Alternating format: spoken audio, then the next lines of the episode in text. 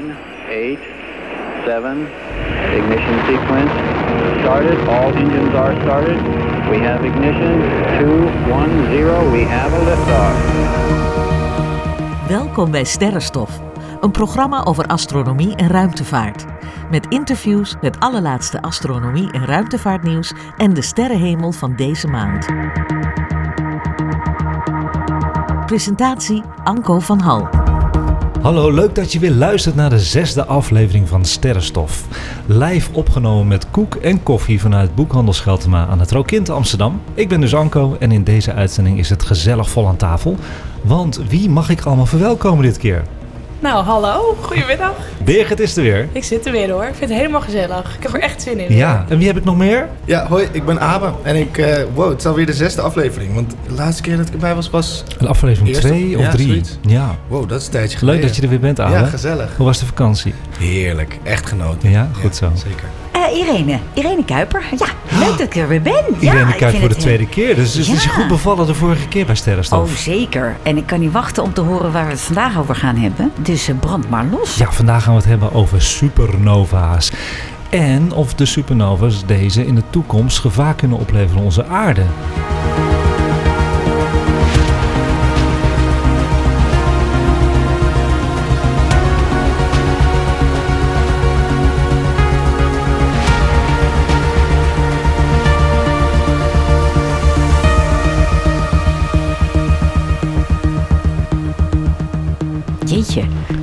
Klinkt ook als een lekker koekje. Een supernova. Supernova. Hebben we koek genomen? Eh, ja, ik- ga, ik- zo doen. Is er ook even- koffie? Ja, er is koffie en er is heerlijke koek van de bakker. Ja, nou weten de luisteraars ook weer waar we mee bezig zijn. En als ze willen zien hoe we erbij zitten, kun je zo meteen even kijken op onze Insta-story, want dan zie je leuke foto's van ons allen. Maar misschien hebben jullie dus wel eens gehoord van de term supernova. Nou, ik heb er nog nooit van gehoord. Oh, wat, Nee, wat spannend voor Nee. jou dan. Wow, sick. Ja. Eh, Ja. Abe dus wel. Nou, nee, het is leuk om die dingen op te zoeken, toch? Ja, en wat, Ja. wat denk je wat het is? Mag ik het zeggen? Of wil je, Ja, wil je- graag. heb jij een mooie... Nee, ik vind het wel leuk om te horen. hoor. En Irene zit ook te springen, dus doe jij maar eerst. Nou ja, een, een, een ster heeft een bepaalde levensduur. En als hij aan het einde van zijn levensduur is, dan implodeert hij. Waarbij een grote explosie is of zo, whatever.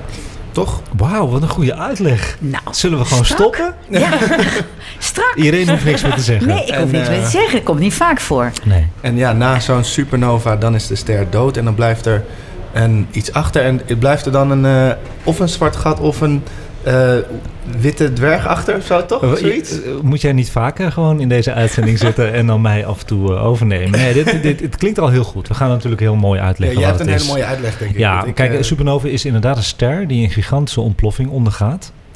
En er blijft alleen een hele kleine zware kern over. Daar heb jij het al over. Nou, ontstaat nou een supernova? Aan het eind van zijn levensloop van een ster heeft een zware ster alleen in zijn buitenste lagen nog waterstof. Meer naar binnen toe komen voornamelijk zwaardere elementen voor zoals helium, koolstof, magnesium, zuurstof en silicium. De kern van zo'n ster bestaat zelf voor een deel uit ijzer, niet in vaste vorm. Daar is de temperatuur binnen in de ster veel te hoog voor. En alle stoffen kunnen in sterren alleen maar in gasvorm voorkomen. Nu kan het bij zulke zware sterren gebeuren. Ik kijk heel vaak naar Birgit, want die weet nog niet wat het is. Nu kan het gebeuren dat de kern volledig in elkaar stort. Abe zei het al, dat heet imploderen. Een implosie is een ontploffing naar binnen toe. Een heel verhaal al. Eh, begrijpen jullie het? Ik zit er helemaal in. Het Goed is een zo. scheikundeles. En dat is dus het omgekeerde van een explosie. Bij een implosie van de kern komen geweldige hoeveelheid energie vrij. En daardoor vindt in de buitenlagen van de ster eveneens een hevige uitbarsting plaats. oh ja. De buitenlagen van de ster worden de ruimte ingeslingerd en alleen de ingestorte kern blijft over. Deze uitbarsting heet dus een supernova. Dus het, de supernova is de ontploffing.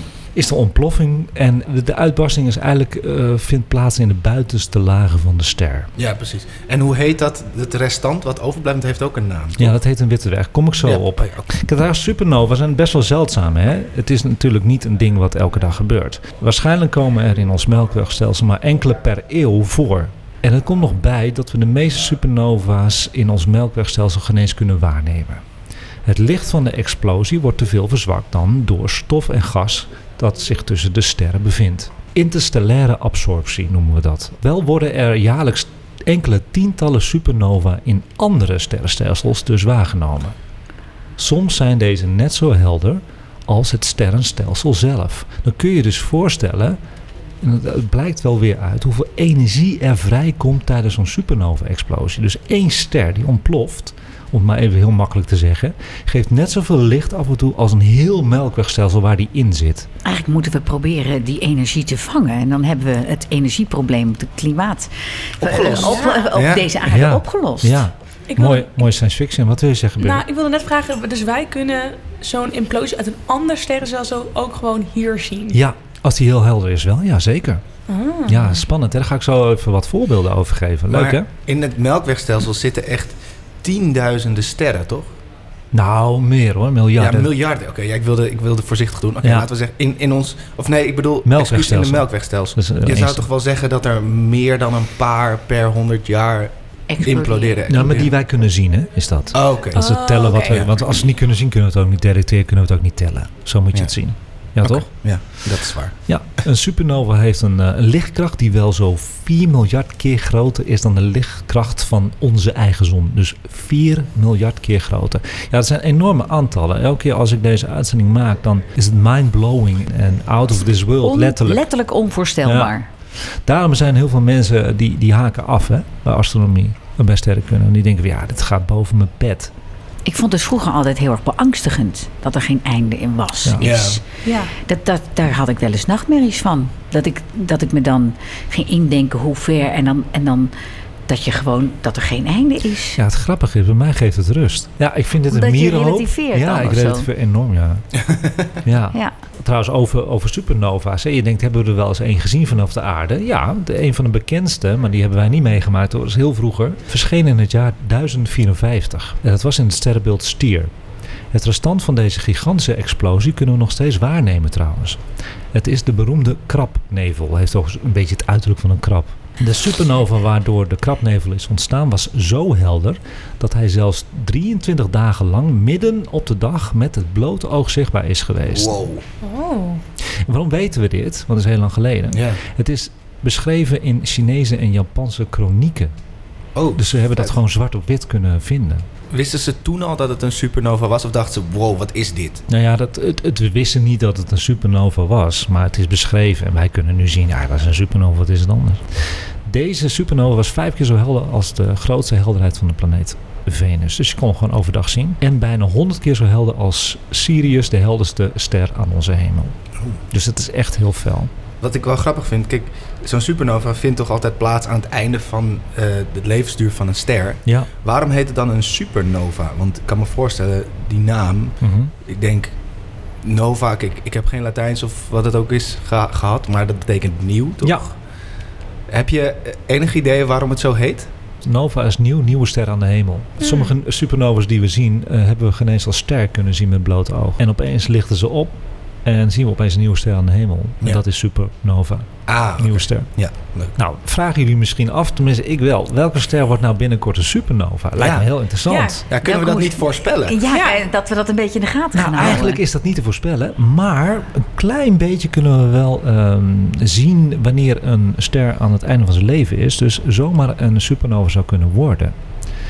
De laatste keer dat er een supernova te zien was, was op 23 februari 87. Hij ontplofte in een naburig sterrenstelsel. Dat is de grote Magellaanse wolk. Die is alleen maar helaas te zien op het zuidelijke halfrond. Dus ik baalde als een stekker. Ik heb de supernova nooit kunnen zien. De helderheid nam snel toe tot 260 miljoen keer die van de zon, maar bereikte pas in juni 87 zijn maximum. En nog steeds worden de uitdijende resten van deze supernova scherp in de gaten gehouden. Zijn daar ook, kan je dat ook nog eh, vinden? Ja. Eh, beelden daarvan? Zeker, gewoon googlen. Eh, supernova 1987, dan heb je hem al eigenlijk. Oké. Ja. Maar is het dan bijvoorbeeld zo, want je kan natuurlijk zien aan een ster, oké, het zit een beetje aan het einde. Ja. Maar kan je het ook niet voorspellen eh, aan bijvoorbeeld de grootte van de ster? Of dat je denkt, ah ja, over 300 jaar is het jouw beurt. Ja, bijvoorbeeld de grote superreus Betelgeuze. En even leek het erop trouwens, eh, dat is echt een mooi antwoord op je vraag. Het leek erop vorig jaar dat we misschien wel te maken zouden krijgen met een van de grootste supernova's ooit. Want de grote rode superreus Betelgeuze vertoonde opvallend eh, eigenaardig gedrag. Een van de herkenbaarste sterren aan de hemel leek namelijk uit te doven. Hij staat in het sterrenbeeld Orion en werd binnen een maand de helft minder helder. Wow. Betelgeuse staat al duizenden jaren op ontploffen. Dus dat weten we van die ster. Ah. De ster is een rode superreus. Een zware ster is dat aan het einde van zijn leven. Met zijn uitdoving lijkt Betelgeuse zich schrap te zetten voor een supernova. Van deze sterren weten we dat ze op enig moment exploderen als supernova. Dat is duidelijk hè, hoe Betelgeuse in elkaar steekt. Maar- Maar ga- maar gaat het gebeuren of eh, gaat het niet gebeuren? De werkelijkheid bleek toch anders. Antwoord op jouw vraag gelijk. Betelgeuse werd minder helder, maar dat kwam door eigen gemaakte stofwolken. Kort voor de helderheidsdip heeft Betelgeuse een enorme gasbel uitgestoten. Dat doet de zon ook wel, maar Betelgeuse is veel groter. Dus de gasbellen die die uitstoot is ook veel groter. Toevallig was die gasbel richting onze aarde. Dus daarom verduisterde hij eigenlijk Betelgeuse. Kijk, die Betelgeuse eh, die kan natuurlijk al lang een supernova zijn geweest. Hè? Want eh, die Oh ja. staat 550 lichtjaar van ons vandaan. Maar als het zover is, is hij maandenlang vanaf de aarde zichtbaar. Helderder dan onze volle maan, dus ook overdag. Dus daarom was het vorig jaar, ik, was, eh, ik vond het heel spannend. We zaten midden in die coronatijd en er was geen ene moer te doen. En gelukkig was er een komeet eh, aan de hemel die ik kon fotograferen. Maar er was ook dan waarschijnlijk Betelgeuse, want daar hoop ik al mijn hele leven op dat hij ontploft. Kijk, als Betelgeuse ontploft, dan merken we er niks van op aarde qua eh, atmosfeer. Betelgeuse, als die ontploft, jongens, wordt het een spektakel maandenlang. Zien we gewoon nu aan de blauwe hemel zien we hem schijnen. Overal op de aarde. Waar? Overal op de Dus aarde. dan zien we soms de zon, de maan en En, en nou, zin in. Daarom, daarom was het zo ontzettend spannend vorig jaar. Maar hij dat wil staat, dus al, iedereen. hij staat al duizend jaar op, op knappen eigenlijk, of niet? Ja, ja, ja, hij is gewoon oud. Oké, dus dat kan ook Hij nog kan al- 500 jaar duren. Natuurlijk. Kan nog duizend jaar duren. Dus jongens, Ja. wordt onze zon een supernova? Antwoord is natuurlijk heel makkelijk. Ja, Ja. Zie, jij wist er niks van, Birgit, maar je weet nu al heel veel.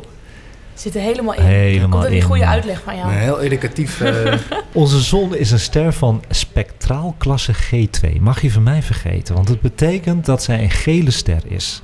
Veel heter en zwaarder dan een gemiddelde ster, maar veel kleiner dan de blauwe reuzensterren. Sterren, zo moet je het even zien, hoe blauwer en witter, hoe heter ze zijn. Nou, het ezelsbruggetje die ik altijd gebruik is wit heet. ah ja. Dus ik dacht vroeger altijd, oh, roder en oranje, hoe heter? Nee, nee, nee, nee, het is net andersom. De berekende levensduur van een ster als onze zon, dat wil zeggen de tijd waarin kernreacties haar van energie voorzien, hè, bedraagt 10 miljard jaar. Nou, wij zitten een beetje op de helft. Hij gaat wel zwaarder worden. Eh uitgaande van de schatting zal de zon over 3 miljard jaar gaan zwellen. Dus dat betekent dat hij de Mercurius, Venus en de aarde zal verdampen door de hitte. Ja, ja. Dus die banen van de, de planeten, dan, dan is het toch ook wel voorbij voor ons. Dus hij pakt eerst Mercurius, eh, eet hij op, zou ik maar zeggen. Dan Venus. Zo groot wordt hij. En dan de aarde en zo gaat het door. Oh, we worden letterlijk opgegeten, Opgegeten, ja. door de... Is zon. Ach, Mm. Is echt? die zo groot? Ja, mooi hè. Het gaat landen bij jullie hè. Ja, mooi. Jeetje. Ja. Goh. Sick. Uiteindelijk zal de zon groter zijn dan de baan die de aarde rond de zon maakt. Daarna zal de zon ontploffen en zijn eigen materiaal de ruimte inslingeren. Van de zon blijft dan niet veel meer over dan een klein dwergzonnetje dat uiteindelijk zal doven. Overigens is niet bekend of de zon zal ontploffen als een supernova. Men denkt eerder dat het een witte dwerg wordt. Een witte dwerg is een van de mogelijke eindfasen van een ster die aan het einde van haar levenscyclus is gekomen. In de witte dwerg vinden dus geen kernreacties meer plaats. Dus antwoord op je vraag wat een witte dwerg is, die heb je nu gekregen. Nou, een mooi voorbeeld eh, om te zien hoe dat waarschijnlijk gaat met onze zon, is op mijn Instagram te zien. Ik heb een nieuwe post gedaan. Ik doe altijd een soort van slides, hè, zes bij elkaar. Dan krijg je een mini-poster op de Instagram. En ik heb de helixnevel daarop gezet. Dat is nou een typisch voorbeeld hoe onze zon eruit gaat zien als witte dwerg. En die helixnevel wordt ook wel de Eye of God genoemd. Kun je het laten zien even Ja, aan, ik, ik ga, aan ik ga, iedereen? ik ga ik ben het nu aan het opzoeken. Dat is niet normaal. Het ziet er echt uit, uit zijn oog. Het is echt een iris. Ja. Kijk nou. En de zon wordt dus wat, wat dit is die witte dwerg in het midden. Echt waar? Ja, dat is de supernova. Dus zo gaat het, als het goed is, ook eruit zien met onze zon. Over 3 miljard jaar. Nou, ben je dus nieuwsgierig naar hoe dit eruit ziet, zou ik zeggen, ga naar de Instagram van Sterrenstof. Wat een beleving, hè? Het vind het wel heel Sterrenstof leuk. Ja. Ja, ja. The Eye of God. Maar de, Heel de bijzonder. kwaliteit van de foto's, is dat nagebootst of is het echt Dit is echt, maar ze hebben foto? natuurlijk een, eh, kijk, ze hebben heel veel filters gebruikt om alle elementen van de kleuren naar boven te halen. Die bestaan gewoon. Ja. Dus dat mag je er ook uithalen. Maar eigenlijk zijn de kleuren met het blote oog doffer. Ja, ze zijn er, Ja. Maar ze hebben natuurlijk alles omhoog gezet om alle elementen te laten zien. Dus zo nep is het niet hoor. Het is Nee, gewoon wat het is. Ja. Ja, Heel mooi. goed, dat was de helixnevel. En, eh, dat is een mooi voorbeeld. Wat, wat denken jullie? Wordt een supernova gevaarlijk voor ons? Eh, nou, die van de zon wel, ja. Maar als die er ooit zou zijn, Ja, toch? maar niet nu hè? Nee, die Dus. komt niet nu. Nee. Duurt nog even. En dan Ik- zijn we ook al lang opgegeten eerst door de zon voordat het een supernova wordt eventueel. Ja, toch moet ik jullie teleurstellen. Wat? Het ik kan of- namelijk voorkomen dat als een, een, een ster binnen een straal van 50 lichtjaar uit elkaar spat, dat we er wel last van krijgen. Echt? Echt ja. Dat is echt wetenschappelijk echt ja. Wow. Je hoeft er niet van wakker te liggen, want het is natuurlijk vrij zeldzaam, supernova. Wat kan? En als dat gebeurt, een leuke afsluiten hè, Irene. Je Ja. zit met open mond hè. Als jullie het niet Ik kunnen moet zien. even mijn kaak naar boven duwen. Nee, als dat gebeurt, dan eh, heeft dat ontzettend veel gevolgen voor de ozonlaag. Die gaat eraan, meteen. Dat komt door de heftige straling. En mutaties en massale uitstervingen zijn dan onvermijdelijk gevolg. Samen met de krachtige kosmische straling van de overgebleven supernova... roeit dat alle plankton in onze oceanen uit. En plankton is de basis voor de voedselketen. Dus eh, alle leven in de zee sterft uit en dan ga maar door. En, en hoe lang duurt dat dan? Is dat eh, bij, met een klap? Of is dat, gaat dat dan, de, de, die plankton als die uitsterft voordat de voedselketen dan stopt? Ja, daar gaat het geen eens meer om. Hè? De Nee. voedselketen is dan kapot, maar de ozonlaag ook. Dus We je blijft die straling houden. Nee, nou, Ja. dat wel. Die atmosfeer blijft geloof ik wel. Maar als de ozonlaag weg is, dat is onze Ja. bescherming, Ja. dan is het klaar. Hè? Dan krijg je veel... Maar is dat meteen? Is dat als een klap? Of is dat dan, eh, zullen we maar zeggen, in een week tijd? ja, Of, ja, ik denk dat je het zo moet zien. Ja. De, de voedselketen gaat natuurlijk in een jaar kapot, of denk ik. Ja. Ik denk dat het wel chaotisch wordt op aarde, ja. Zijn er sterren binnen een straal van 50 Die zijn er, ja. die, eh, die gewoon... Die, Kandidaat zijn die al oud supernova. zijn? Ja, zeker. Oeh, spannend. Ja, kun je Ja. ook wel gewoon nou, googlen. dat, eh, Maar het risico op een supernova is gelukkig maar klein. Hè? Een supernova is vlakbij als hij zich binnen een straal van 50 lichtjaar van de aarde bevindt. En astronomen denken dat zoiets slechts één keer in de 240 miljoen jaar voorkomt. dus je kunt gewoon slapen. Zo. Is, is er, maar is, er, is, het in de, is het al gebeurd? Ja, 200 2,5 miljoen jaar geleden explodeerde een supernova op ongeveer 150 lichtjaar van de aarde. En dat weten we omdat de zeebodem die in die periode is ontstaan, de radioactieve isotoop ijzer 60 bevatte. En deze isotoop ontstaat alleen maar, alleen maar bij een supernova-explosie. Dus het is al gebeurd. Dus als afsluiten van het onderwerp supernova. Hoe groot is de kans dat in onze buurt een ster ontploft? In de Melkweg doet zich ongeveer eens in de 50 jaar een supernova-explosie voor dus. Meestal is dat op duizenden lichtjaar afstand. Dus het effect daarvan valt te verwaarlozen. Fijn. Goed zo. Dan gaan we nu naar de vraag van de luisteraar. Kiefer Zwart heeft een vraag gesteld. Hey Anko, ik vroeg me heel erg af hoe het nou voelt om in een ruimtepak door de ruimte te zweven. Zoals wanneer astronauten bijvoorbeeld een reparatie moeten uitvoeren of zo. Wat een goede vind, vraag. vind ik een hele leuke vraag. Ja. Het Krijg is je een, klotsende oksels in zo'n pak? ja, wat, wat, wat, wat vinden jullie? Zouden jullie in een ruimtepak willen zweven? Tuurlijk.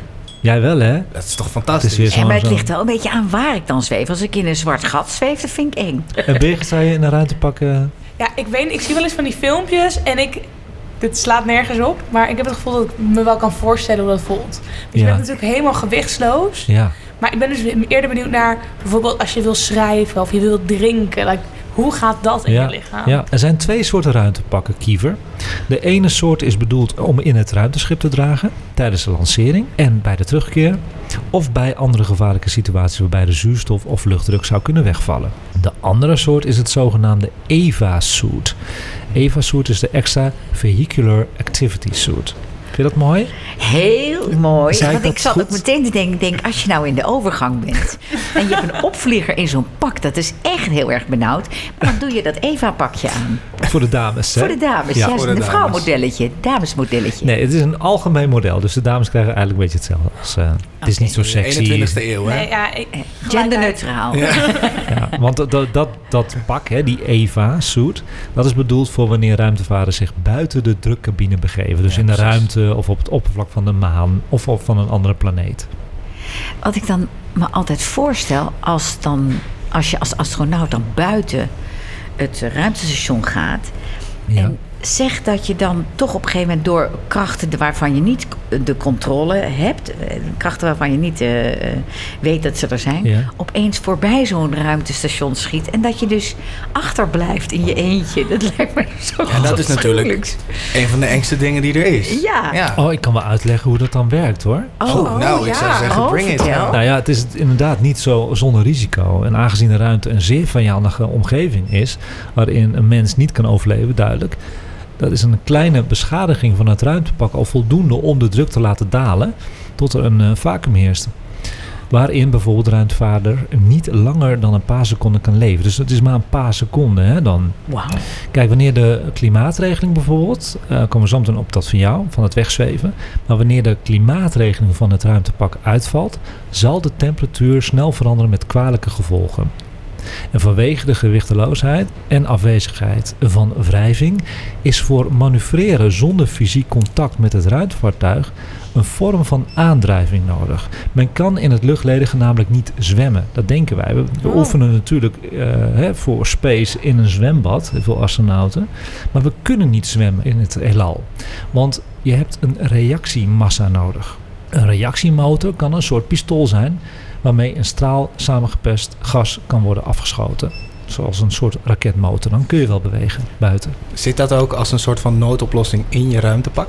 In principe wel, ja. Oké, dus als je per ongeluk losraakt van alles en de weg gaat, zo weg, dan, ehm, dan kan je eventueel terug eh, met je jetpack of zo. Nou ja, kijk, zonder functionerende reactiemotor kan de astronaut zich alleen nog verplaatsen door voorwerpen weg te gooien. Wisten jullie allemaal niet, hè? Ik ook niet hoor. Ik heb het allemaal Als opgezocht. voorwerpen weg. Ja, Ja. natuurlijk. Ja. Dus dat is een soort luchtballon. Ja, in een richting tegengesteld aan die waarheen jij wil gaan. Snap je dat? Ja, je Oh, gooit ja, het dus achter je om Ja. als je naar het Ja. naar Ja. vooruit Je hebt het- reactiemassa Ja. nodig. Ja. Als dat nou niet werkt, hè, dan is het gebeurd. Dan, dan zitten we op Irene's eh, Nachtmerrie. nachtmerrie. Dan zou je hulpeloos wegdrijven. Ook het ruimtevaartuig heeft niet genoeg manoeuvreermogelijkheid voor een rendezvous met jou, met een wegdreven astronaut. Dat gaat helemaal niet. Zit er niet een soort noodbootje op of zo? Nee, tegenwoordig gebruikt men steeds een veiligheidslijn. En dat wordt ook de navelstreng genoemd. Ja, precies. Ja. En dan ook nog een vraag van Kiefer hoe dat nou gaat met werkzaamheden buiten. Hè? Nou, als er een klus moet geklaard worden buiten het ruimteschip, trekken ze het ruimtepak dan weer aan, hè, dat grote ruimtepak. En dat gebeurt eigenlijk onderdeel voor onderdeel. Dus elk onderdeel van het ruimtepak zit op drie verschillende manieren vast aan het andere onderdeel. En voordat een onderdeel los of vast kan worden gemaakt, moeten er drie handelingen worden verricht. Dit is lastig, maar wel erg belangrijk voor de veiligheid. Dus een astronaut kan dus dan nooit per ongeluk met een verkeerde beweging een onderdeel losmaken, waardoor de luchtdruk in het ruimtepak verdwijnt. Ja. Het zijn allemaal veiligheidsdingen. Top.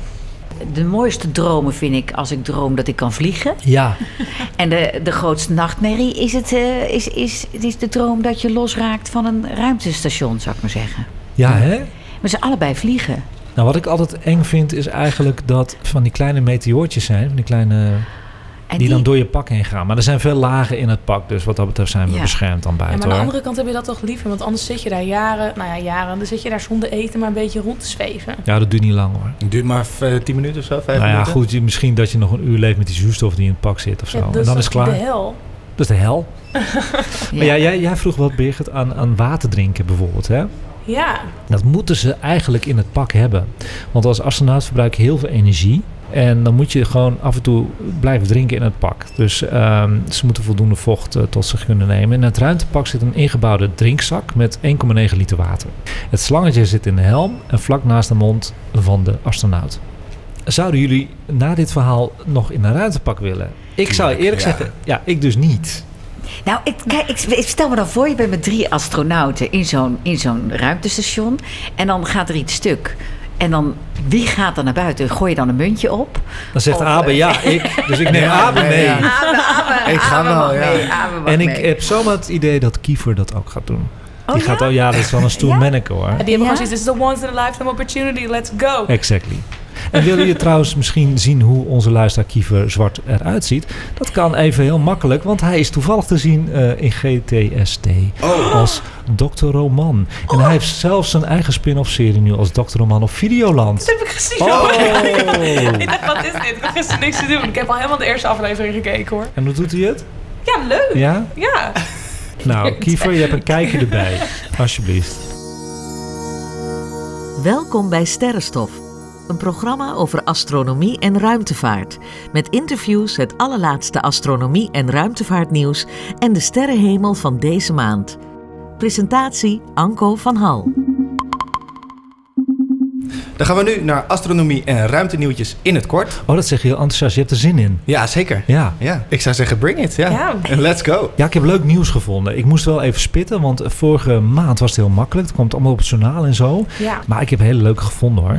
Ja, want een amateur-astronoom, jongens, heeft een nieuw maantje ontdekt bij Jupiter. En die amateur-astronoom heet Kai Lee. En die is goed bezig, jongens. Hij heeft een voorheen onbekende maan gelokaliseerd die rond de grootste planeet in ons zonnestelsel draait. Dat is Jupiter. Hij zegt, ik kan met trots zeggen dat dit de eerste planetaire maan is die door een amateur-astronoom is ontdekt, zegt hij met uitroepteken. Wauw.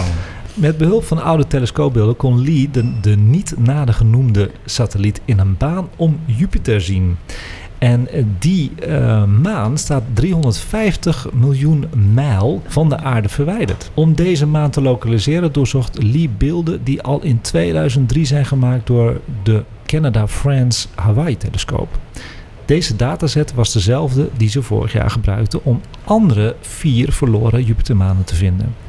En in deze groep van die vier manen is dus ook dat nieuwe kleine maantje gevonden. Dus Jupiter had 79 maanden. Dat zijn er nu gewoon mooi een rondgetal 80 geworden. Wauw. Nou, ik vind het dus echt heel bijzonder dat, dan, dat dit een amateur, als, eh Ja. amateur-astronoom is. Ja, Wat is er misgegaan? Bedoel, nou misschien niet. leuk. Wat hebben de profs eh, over het hoofd gezien? Maar Ja. hoe vaak is het niet zo dat amateur-astronomen juist eh, het plaatje volledig maken? Hè? Die dus nog aanvullende info en data geven. Dus we hebben die gewoon nodig. Ja, oké. Ja. Ja. hij is misschien ook helemaal gefocust op Jupiter. Zeker. En dan zijn de echte astronomen gefocust ja, je hebt toch ook heel veel amateur-astronomen die eh, juist hele tijd kometen zoeken. Omdat ze dus een, een komeet willen hebben met hun naam. Dus er zijn heel veel amateur-astronomen die het eerste zijn geweest eh, om een komeet te ontdekken. Misschien carrière switch voor jou? Ja. maar nee, ik heb gewoon niet de, de spullen ervoor hè, om dat te zien. Dus dat is jammer. Kai heeft ook een oud setje gebruikt. Nou. en, maar ik denk wel Kai dat Kai... heeft dat eh, gedaan, ja. Kai eh, slaapt weinig s'nachts. Kai eh, is, kijkt heel veel naar de sky. Kai heeft eh, wallen onder zijn ogen. Ja. Sky Kai. Wat heb je verder nog in petto? Heb je nog een nieuwe? Ja, ik heb nog wat anders. Saturnus heeft eh, een soepkern. Het klinkt heel leuk, maar wat denken Ja. we dan? Kijk, vroeger werd aangenomen, en tot voor kort eigenlijk, dat de geringde reusplaneet Saturnus, hè, met de ringen dus, een stenen hart of kern had. Dat is niet zo. En hoe zijn we daarachter gekomen? Want net zoals aardbevingen zorgen ook trillingen in het hart van Saturnus ervoor dat de gasreus beweegt. En dat veroorzaakt weer golfbewegingen in de richting van de ringen van Saturnus. Ze gebruikten dus de ringen van Saturnus als een enorme seismograaf om trillingen in de planeet te meten. Zo wijst alles erop dat Saturnus geen rotsachtige kern heeft, maar dat het hart van de gasreus eerder een soort soep is, bestaande uit ijs, gesteente en vloeibare metalen. Waterstof en heliumgas, waar de planeet uit bestaat, hè, want het is geen vaste bodem, heb je niet op Saturnus, die mengt zich naarmate je naar het hart van een planeet reist geleidelijk aan met meer en meer ijs en gesteente. Dus daardoor blijkt ook dat het hart van Saturnus groter is dan gedacht. Het maakt namelijk zo'n 60% van de diameter van de planeet uit. Dat is heel veel, een heel Wow. groot hart. Dat is echt heel groot, ja. Het hart is dan ook 55 keer zwaarder dan onze eigen aarde. Wow. Oké, Sick. ik En heb de- wat vragen. Dat is, jullie zijn er stil van weer. Ja. Ja, Ja. ja. Ja, je probeert het je allemaal voor te stellen zo. Ja. Omdat het ook, ja, de buitenkant is dus gas. Gas. Ik Je vraag kan me niet zo staan af- op een gasplaneet. Nee, dus ik vraag me heel erg af, hoe blijft het bij elkaar? Nou ja, het wordt wel in elkaar gedrukt, maar geleidelijk. Dus niet, we dachten eerst dat eh, het een harde kern was, hè, van steen, en daaromheen gas. Ja, Maar het is dus niet zo, het is geleidelijk. Er wordt steeds vaster, vaster, vaster, vaster, vaster tot wel een harde kern, of Ja. hardere kern. Maar in principe niet zo... eh, het is meer geleidelijk dan opeens gas. En dan, Je kunt er niet op lopen, zou ik maar zeggen. Sowieso niet. Nee. Nee. Nee. De druk, een, druk eh, is te hoog om helemaal naar de kern te gaan. ook. kan helemaal niet. Een, beetje een beeld erbij te krijgen. Zoals bijvoorbeeld de kern van aarde is bijvoorbeeld... Nikkel en ijzer. Ja, dus... En het is natuurlijk ook allemaal warm en lava. Ja, de en binnen, binnenste is ook gesmolten Ja, ijzer. dus is Ja. dat een beetje vergelijkbaar? Want er zijn ook harde materialen, maar het is vloeibaar. Is dat een beetje hetzelfde? Nee, het heeft een andere samenstelling. Dus elke planeet heeft eigenlijk een andere kern dan de aarde. Maar er zijn natuurlijk ook planeten die... eh, ja, de meeste rots, rotsplaneten, dus Mars en Venus... die lijken het meest op de aarde ook wel kern. Oké. Ja, maar even, Ja? ehm, ik vind dit best wel een ontdekking. Is dit deze maand gedaan? Zo, Eh, want- dit jaar, ja. Want Dus de afgelopen maanden. dus al die decennia dat men weet van het bestaan, Daarom heb ik hem eruit gekozen. Het is voor mij ook nieuw, want zo ben ik opgevoed met een, een, een eh, stenen kern van Saturnus. Ja. je, je, zegt- je leest het zo heel rustig op, maar ik vind het best wel, Nee, best wel, best wel lijp eigenlijk. Dat is lijp? Spectaculair. Ja. nou ja, ja, ik, ik, ik vind het best wel bijzonder dat dit nu ontdekt is en Ja. dat dit nu blijkbaar de Ja. nieuwe waarheid is. Ja, vind ik ook mooi. Ja, vind ik heel vet. mooi. En zo ontdekken we elke maand wat, hè? Ja. Vandaar Heb je dat... nog meer dan? Ja, ik heb nog eh, iets nieuws en dat eh, sluit heel mooi aan op ons eh, hoofdonderwerp. Want er was vorige maand tijdelijk een nieuwe ster aan de hemel. Oh, Ja, dat had te maken met een zeldzame opleving van een witte dwerg. Astronomen hebben in het sterrenbeeld Slangendrager in augustus een nieuwe ster gespot. Het gaat om de RS Ophiuchi. En dat is een witte dwerg die momenteel een tamelijk zeldzame opleving ondergaat en daardoor tijdelijk met het blote oog te zien was. oh. De RS Ophiuchi is een zogenoemde recurrent nova. Dat betekent, weer iets nieuws, hè? het is een soort supernova, maar recurrent. De, witte dwergster maakt deel uit van een dubbelstersysteem dat ook een rode reus herbergt. Materiaal van die rode reus stroomt weg naar die witte dwerg. Daar hoopt het materiaal, voornamelijk waterstof, zich op. En als er dan voldoende waterstof is verzameld, kan de druk en de temperatuur daarin zo ver oplopen dat waterstofkernen fuseren tot helium. Natuurkunde, jongens. Ditzelfde proces kennen we van waterstofbommen. En het eindigt dan ook op dezelfde manier met een explosie. oh. En ja, en daarbij neemt de helderheid van die witte dwerg flink toe. Nou, eigenlijk is die witte dwerg een hele oude ster, want witte dwergen zijn de laatste Ja. restanten. Hè? Maar door die rode superreus wordt hij steeds gevoed. En dan ligt hij opeens op. Ah. In het geval van de RS Ophiuchi is dit een herhaaldelijk proces. Na de explosie stroomt er weer materiaal van de rode reus terug naar de witte dwerg en wordt er naar een nieuwe explosie toegewerkt. Wow. Ja, Maar dus die, die rode reus die wordt niet helemaal ehm, opgedingest door die... eh, nee, want die rode reus is heel groot en machtig. En die Precies. witte dwerg zo'n klein. Het is een relatief zeldzame opleving trouwens. Gemiddeld neemt de helderheid van de RS Ophiuchi elke 15 jaar toe. Maar is niet altijd even helder. Dus wat er vorige maand gebeurde, hij is niet met het blote oog zichtbaar. En vorige maand was hij dus opeens met het blote oog zichtbaar. Dus het kan ook weer zijn dat over 15 jaar dat we hem weer zien. Zeker. Ik vind dat wel leuk. Dat was Ja. het nieuws van eh, deze maand. Wat leuk. Dan gaan we naar de sterrenhemel van de maand september 2021.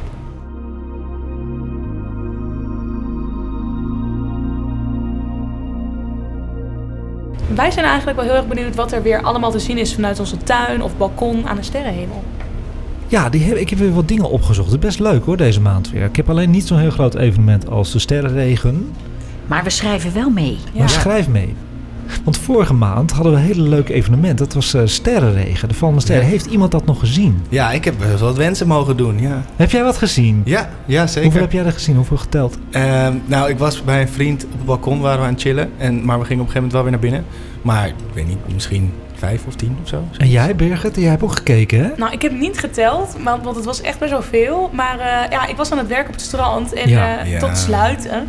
Dus het Strand. was al best wel snel mooi zonsondergang. En eh, toen waren we gewoon met een paar vrienden en hebben we gewoon alle zonsondergang gekeken. Nou, of, eh, soms, ja, en de sterren natuurlijk. Maar het was zoveel gaan. En er was zeevonk. Ik zei net, het was echt mijn lievelingsdag. Wow, dus het was echt, zeg maar, echt zo'n hele speciale... Ja, ik ben Ja. eh, wel heel erg jaloers nu. Want dat wil ik heel graag zien, zeevonk ook. Ja, nee, ja, dat is ook niet... Je moet altijd zo lang wachten tot het echt, echt donker is. Ja, hè? En dan zit je daar wel koud op de zee, Ja. of eh, op het strand. Maar eh, het is het wel waard. Het is echt heel, ja, Ja. Het is heel bijzonder. Zeevonk Of met vallende sterren. Ja, dat is Nou, echt top. Een En, Irene, combi, die, Irene Ja. mailde mij via WhatsApp, want ik was al helemaal in zak en as, want ik had bewolking in Amstelveen. En jij zegt, nou, ik ga gewoon kijken hoor. En toen keek ik naar buiten en toen was het mij ook helder. Ja. Jij, Ja. hebt, jij, jij hebt het dus ook gezien. Ik, ik heb het eh, gezien, wel eh, in de stad, maar daar, een paar dagen daarvoor was ik eh, op het platteland. En toen heb ik gewoon wat lichtstoelen platgelegd, zo Ja. terug naar achteren. En het was prachtig donker, weinig horizonvervuiling. En dat was echt waanzinnig mooi. En zag je ze toen ook al? Toen waren er ook al Ja, een dat klopt, ja. ja. Ja, Maximum was gewoon op de dertiende. ja, En daarvoor kon je ze ook al zien. ja. Dus het heeft toch wel eh, huiswerk gedaan. wat opgeleverd, Ja, de tips. zeker. Nou, ik zou sowieso altijd aanraden dat als het helder is, moet je eigenlijk gewoon een keer een kwartiertje, een half uurtje liggen. Je ziet altijd wel een vallende ster. Ja. Dat is echt zo. Ja. Dat is- en dat is toch, je let er nooit op en als je er een keertje gewoon de tijd voor neemt, het is, blijft bijzonder. Het kan je hele dag goed maken. Ja, Leuk jongens. We beginnen altijd met de planeten. Vind ik altijd het leukste eigenlijk. Er zijn deze maand wederom maar drie planeten met het blote oog zichtbaar voor ons. Voor de planeten Uranus en Neptunus heb je een hele goede telescoop nodig. En zijn ook niet heel erg opvallend in een telescoop. En de planeten Mars en Mercurius zijn deze maand nog steeds niet te zien. Net zoals vorige maand niet. Maar Mercurius is vanaf 17 oktober in de ochtend weer waarneembaar. En voor Mars geldt dat pas eind december dit jaar. Venus is wel te zien en staat in de avondschemering laag boven de west-zuidwestelijke horizon. De avondster is het nog steeds en is een beetje moeilijk waarneembaar en gaat kort na zonsondergang alweer onder. Als je nou het moeilijk vindt om Venus te spotten, dan vind ik het altijd wel fijn om te zeggen dat als de maan erbij staat, dan is het wel makkelijker. En dat gebeurt op 9 en 10 september. En dan zie je Venus in gezelschap van de smalle maansikkel. Probeer dat rond 9 uur te spotten. Trouwens, wil je weten hoe dat er ongeveer uit gaat zien? Ik heb zelf op 11 augustus zoiets dergelijks ook gezien en weten te fotograferen. Vanaf mijn balkon in Amstelveen. En dat kun je even terugkijken in de highlights met de naam Foto's op onze Sterrenstof Nieuws Instagram. Ah, toch nog een kleine tip. Ja. Want ik heb altijd een beetje moeite met alles vinden en ik zie zoveel. En, want ik heb dus een, gewoon een gratis appje, volgens mij het Skyview. Eh, en dan kan je dus gewoon intikken wat je zoekt. Ja. En dan kan je daarvan de hele baan ook volgen. Hele goede Dus- tip. Ja, dus het is gewoon gratis. Ja. En dan kan je gewoon de maan, Venus, Jupiter, alles, alle grote dingen en de sterrenbeelden en zo kan je allemaal heel makkelijk Dan vinden. kun je hem iets makkelijker vinden. Ja. Ja. Zou ik gewoon even doen. En Stellarium is ook een mooie app. Ja, Dan hebben we Jupiter en Saturnus. Dat zijn de mooiste planeten van deze maand. Ehm, die staan nog steeds heel mooi bij elkaar. En zijn de hele maand september goed te zien. En gaan ruim na middernacht onder. Op 17 september staat de maan links onder Saturnus. En een dag later links onder Jupiter. Dat blijkt alweer dat ze dicht bij elkaar staan. En misschien die maan toch nog even spotten, die nieuwe maan. Die Van kunnen we niet zien. Van Kylie. Dat heb je goed onthouden. Ja, ja, ja, ja. Sky, Kylie. Ja, ja, ja, dat is jouw ezelbruggetje. Jupiter is trouwens veruit de helderste ster tussen aanhalingstekens aan de hemel en staat links van Saturnus, die goed te zien is, Saturnus, maar wel minder fel. En qua kleuren, dat vindt Irene altijd wel belangrijk, dat weet ik nog van de vorige keer. Jupiter is helder wit aan de hemel en Saturnus is een beetje beige, een beetje gelig Oké.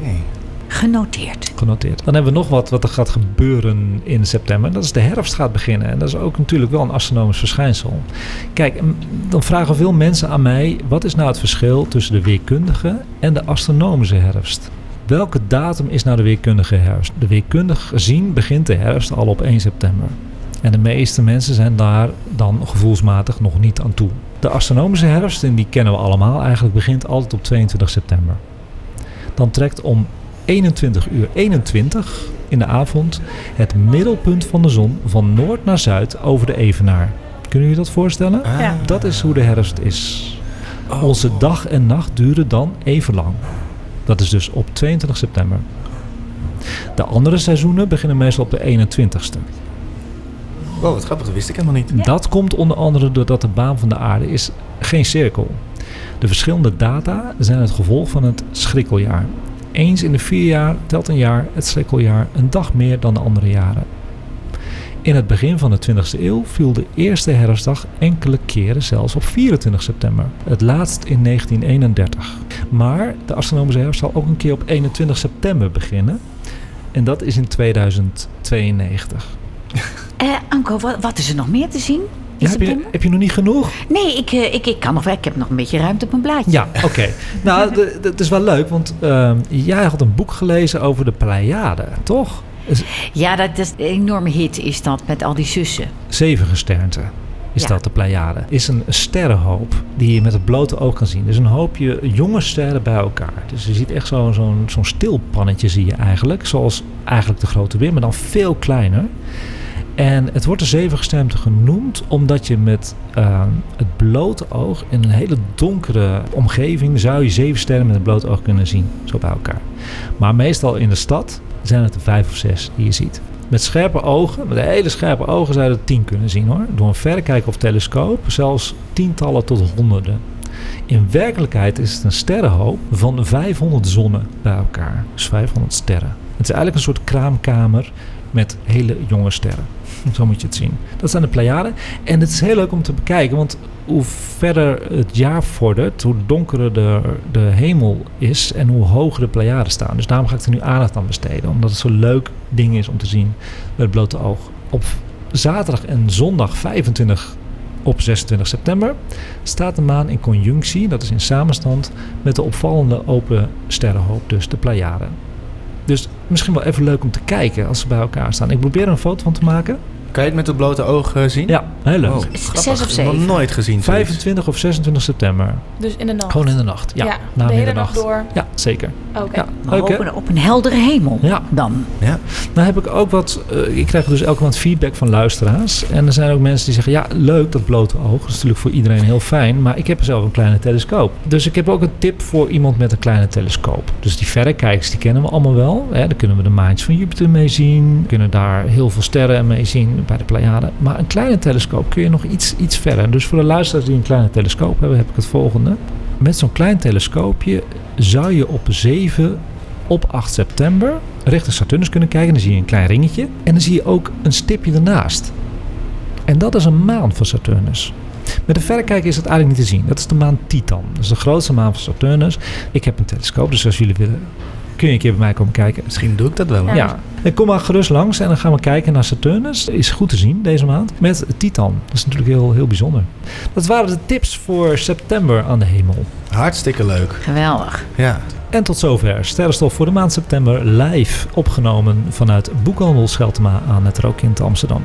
Vergeet mij niet te mailen voor vragen, opmerkingen en tips over astronomie en ruimtevaart op sterrenstofnieuws.gmail.com. En je kunt Sterrenstof natuurlijk ook vinden op Instagram.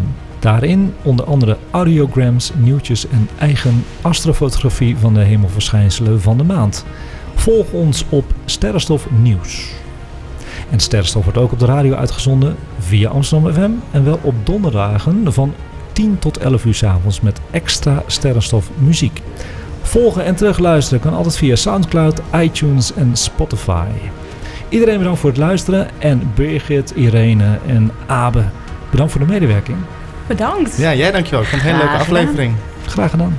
Ja. Tot de volgende keer en kijk eens wat vaker omhoog.